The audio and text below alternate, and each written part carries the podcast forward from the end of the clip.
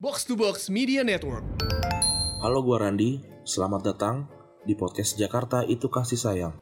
Sebuah program podcast harian dari Retropus di bulan Ramadan yang bertujuan untuk membuat gue tetap waras selama masa karantina di Jakarta. Di tiap episodenya, gue akan bertanya tiga pertanyaan yang sama kepada orang-orang yang berbeda. Mari kita dengarkan sebuah cerita baru dari orang yang baru.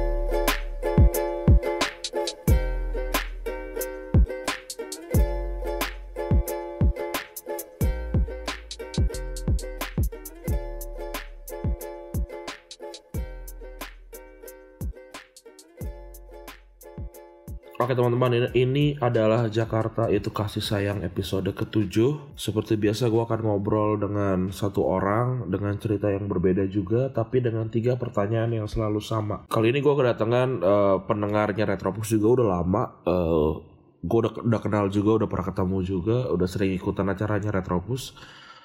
Eh, tapi seperti biasa gue akan biarkan dia memperkenalkan dirinya sendiri. Oke, silakan. Halo, ya kenalin, gua Chamber Rafli. Orang-orang bisa manggil gua Chamber atau Rafli sih terserah. Kenapa beli lo mau cerita apa di sini, Ple? Gua mau cerita soal eh ke ituan sih kebimbangan hidup gua dulu. Oke. Gimana gua dulu sampai sekarang. Oke, gi- gimana tuh? Maksudnya gimana, Ple? Jadi eh, dulu gue itu semasa SD, gue itu Hmm. anak bahan bulian lah, bahan bulian. Oke. Gua eh, di akademik gue jelek, terus di Hmm. yang fisik atau itu olahraga atau eh, minat bakat pokoknya gue jelek lah gue nggak punya apa-apa dulu hobi gue juga dibilang aneh dulu pas gue SD gue suka kereta gue suka Oke. kereta gue suka foto-foto gue suka jalan-jalan gue suka gambar kereta dan itu juga jelek Oh, terus? itu menambah gue jadi bahan bulian anak-anak semasa itulah Lo kalau dibully tuh dibully sekelas gitu, sekelas lawan lo sendiri gitu. Nggak sekelas gitu sih ada beberapa yang terus-terusan Terus nggak Terus? kenapa? ah, kenapa nggak lo pukul aja? ada semasa itu juga tapi ya gimana ya mereka gua kalau jumlah mungkin Oke. mereka berenam bertujuh gue sendiri Hmm. ya terus, Terus? ya gue nggak punya itu dan gue merasa kayaknya gue harus berubah nih gue lulus SD Hmm. gue harus cari eh, pat pakem baru di hidup gue gue harus cari Hmm. satu hal lah yang bisa buat gue punya identitas gue punya karakter gue mencoba-coba cari dulu gue coba eh, ikut anime ternyata gue nggak bisa terlalu ngikutinnya karena akses gue juga nggak terlalu banyak Hmm. Terus dulu tuh eh, ada satu masa tuh waktu itu zamannya eh, gue sebut merek boleh nggak sih apa nggak usah? Boleh dong. Dulu Super Soccer ngadain nobar, ngadain nobar besar. Terus gue diajak sama teman-teman SMP gue, Oke. beli ayo ikut nih eh, Super Soccer. Ada nobar. Waktu itu Arsenal Liverpool. Waktu itu gue milih pakai baju Arsenal karena gue cuma punya itu. Terus gue gue nonton, wah ternyata seru nih bola nih. Nobar gue nonton bola gue seru. Gue cari tuh eh, Arsenal tuh kayak gimana, sepak bola tuh kayak gimana. Terus gue mencoba dalami, gue coba dalami akhirnya gue punya karakter. Eh, jadi dulu tuh sampai setiap pagi tuh semasa SMP, gue tuh selalu datang pagi tuh sama temen-temen gue. Mungkin kalau gue masuk jam 7, jam 6.15 atau setengah 7 tuh gue udah sampai sekolah.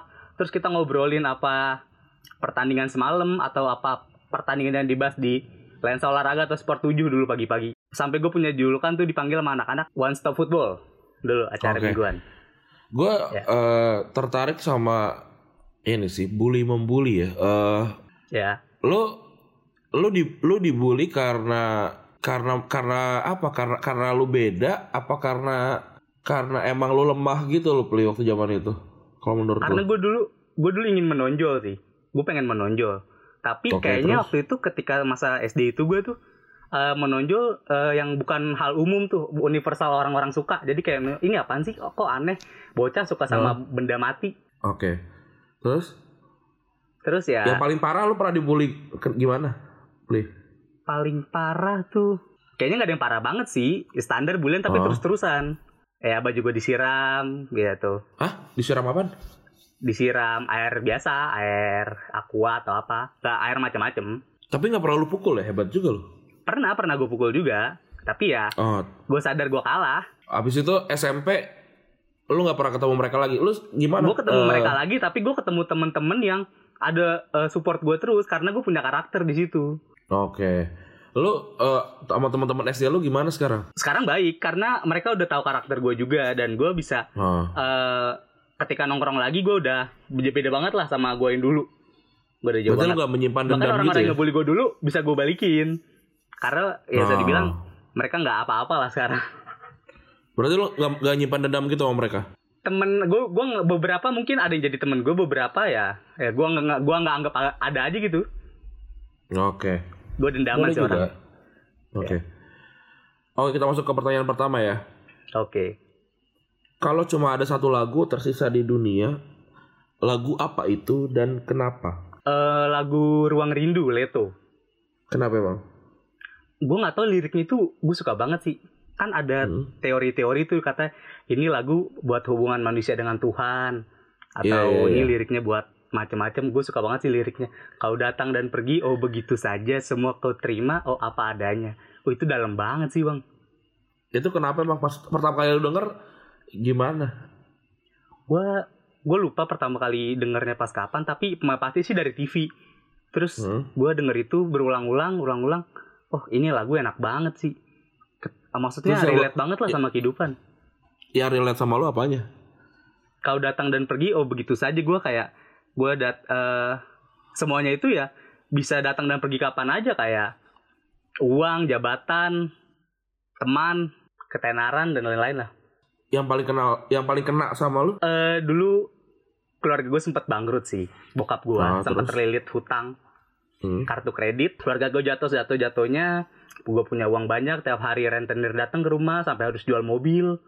Sampai gue nggak bisa masuk SMA yang gue pengen gue akhirnya diungsikan ke tempat saudara gue di kota Bogor. Gue tinggal di Depok sekarang gue pindah. Gue tinggal di sana demi ya biar gue nggak ngeliat mereka berantem terus lah akhirnya mereka cerai terus entah Hmm. kenapa dua tahun gue eh, se- sangat sedikit kali gue ngobrol sama mereka. Pas gue di tahun kedua sekolah gue disuruh pulang ternyata mereka udah balikan. Gue dibeliin laptop gue dibeliin pokoknya dibeliin hal macam-macam yang pernah mereka beliin sebelumnya. Perlahan ekonomi keluarga gue mulai membaik. Ya cepet banget sih. Terus sekarang udah baik-baik aja berarti ya? udah baik-baik udah satu rumah lagi. Oke, ini ini berarti di rumah yang sama waktu kita eh, rekaman ini sama sama bokap nyokap lu nih ya, ada bokap nyokap. di lu. rumah yang sama ada satu kamar Oke. mereka alhamdulillah masih lengkap Oke, pertanyaan kedua ya. Apa sih Iya. pedoman lo dalam menjalani hidup? Bisa quotes, mantra, atau ayat kitab suci gitu? gue percaya Tuhan itu baik. Jadi Oke. ya apa pun yang kita lakuin ataupun baik atau benar, ya itu emang udah ada jalannya gitu. Tuhan udah nentuin lu bakal ke sini sini sini, lu bakal jalan lewat begini, susah, gampang, nangis, kehilangan, kaya, miskin ya udah ada jalannya. Jadi jalanin aja. Gue selalu nganggap Tuhan itu baik sih. Biarpun agama gue nggak terlalu baik, gue nggak pernah marah, sama sama Tuhan. Tuhan. Nggak Nggak pernah. pernah gue Nggak pernah Gua, Pada- Walaupun saat di terbawah gue Tapi gue selalu ada momen lagi gitu Misal eh, Waktu ketika orang tua gue cerai Ternyata gue bisa ngelihat eh, Oh gue bisa dapat dunia baru nih Gue waktu itu kan Hmm. masuk Di dunia Teknik lah Sekolah teknik Hmm. gitu Gue bisa dapat pandangan baru Soal orang-orang Bisa dibilang status ekonominya Mungkin jauh di bawah gue Gue bisa dapat Hmm. teman-teman kayak gitu Gue bisa dapat pandangan baru dari mereka Oh itu asik banget sih Bergaul dengan mereka Ya asik lah menurut gue Lo tuh tipe yang bersyukur karena ngelihat diri sendiri apa karena ngelihat orang? eh gue bersyukur karena diri gue sendiri sih. Gue dapat pengalaman banyak lah selama ini. Bisa bergaul dengan berbagai macam orang, berbagai macam pihak. Teman gue ada yang pecandu, tukang begal, Hmm. pembunuh bahkan ada. Asik sih. Lo tinggal di Depok ya? Plih. Gue tinggal di Depok. Temen lo pernah ada yang masuk ke 86 nggak? Ada, Pasti Ada, ya, Pak. pasti pasti ada. anak-anak ada itu banyak pasti beberapa. ada aja. Pasti ada. Gara-gara apa banyak waktu itu banyak dia? Gara-gara apa dia? Eh waktu itu sih ya tempatnya didatengin polisi 86 kayak polisi lagi ngejar terus lewat depan rumah dia dia lagi nongkrong sama bocah-bocahnya ya ditegur ngapain Oh, standar sih kayak gitu. Waktu rumah gue juga Oke, pernah oke. kesorot kok waktu itu. apa? Rumah gue juga pernah kesorot 86. Polisi lagi kejar-kejaran. Ada ke rumah Lagi gue kesorot. Apa begal? Eh, biasa orang tawuran malam-malam. Apa yang paling menyebalkan jadi orang Depok? Hal yang paling menyebalkan jadi orang Depok. Kalau kata orang sih Depok kan dikuasain satu partai ya, Mm-mm. PKS. Tapi gue karena gue tinggal di pusat kota Depok, bener-bener pusat kotanya, gue merasakan banget pembangunan yang dijalanin PKS atau pemerintahan. Hmm. gue merasakan kayaknya di tempat gua baik-baik saja di tempat gua gua nggak tahu sudut Depok yang lainnya gimana tapi gue merasa Iya, iya. di tempat gua baik-baik saja mungkin macet iya sisanya ya enggak lah Oke. Aman. Oke, per- pertanyaan terakhir ya. Hmm. Apa yang berubah dari hidup lo semenjak pandemi COVID-19 ini terjadi? Gue orang yang merencanakan semua hal dengan baik ya. Gue kenapa gue Hmm. kuliah ambil komunikasi, gue ngambil gini, gue merencanakan hidup gue bakal kayak gini gini gini. Maksud gue udah tahu planning gue ke depan gimana. Gue Oke. sudah merencanakan. Gue eh, jarang banget meleset lah dari rencana gue kalau gue udah planning. Ternyata ketika covid ini ada, gue nggak pernah memperkirakan kalau ini bakal terjadi gitu. Semua rencana gue buyar. Gue nggak pernah nyiapin plan B. Kenapa? Emang apa yang lo rencanain? Gue rencana lulus di tahun 2021 terus gue mau rilis buku juga rencana insya Allah tahun depan. Hmm.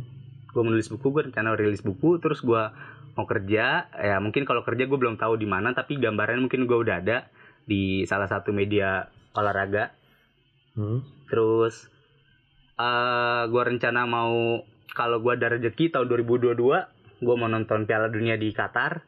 Kalau ada rezeki ya buat ke sana tapi ya udah kayak gini kayaknya buat dapat duit aja kayak orang udah alhamdulillah gitu Iya iya. gue ketemu teman-teman gue susah buat keluar ya agenda gue jadi banyak lah yang terhalang lah Terus selain itu apa lagi? Yang terdampak ekonomi kah? Ekonomi keluarga lo? Terus ekonomi kuliah keluarga gitu? Kuliah ya kuliah terdampak. Gue orang yang susah ngikutin pelajaran kalau gue nggak praktekin langsung. Akhirnya beberapa teman gue ada yang mau bantu gue dengan mereka ngirimin video cara gue mengerjakan salah satu tugas gue ada yang sampai segitunya ke gue gue respect banget sama mereka. Mereka ngebantu gue kuliah- banget di kuliah tugas apa? kuliah. Kuliah ngambil apa? gue komunikasi eh, media studies. Gue lagi buat proposal buat penelitian sih. Gue kan susah Hmm. ya buat kayak gitu-gitu.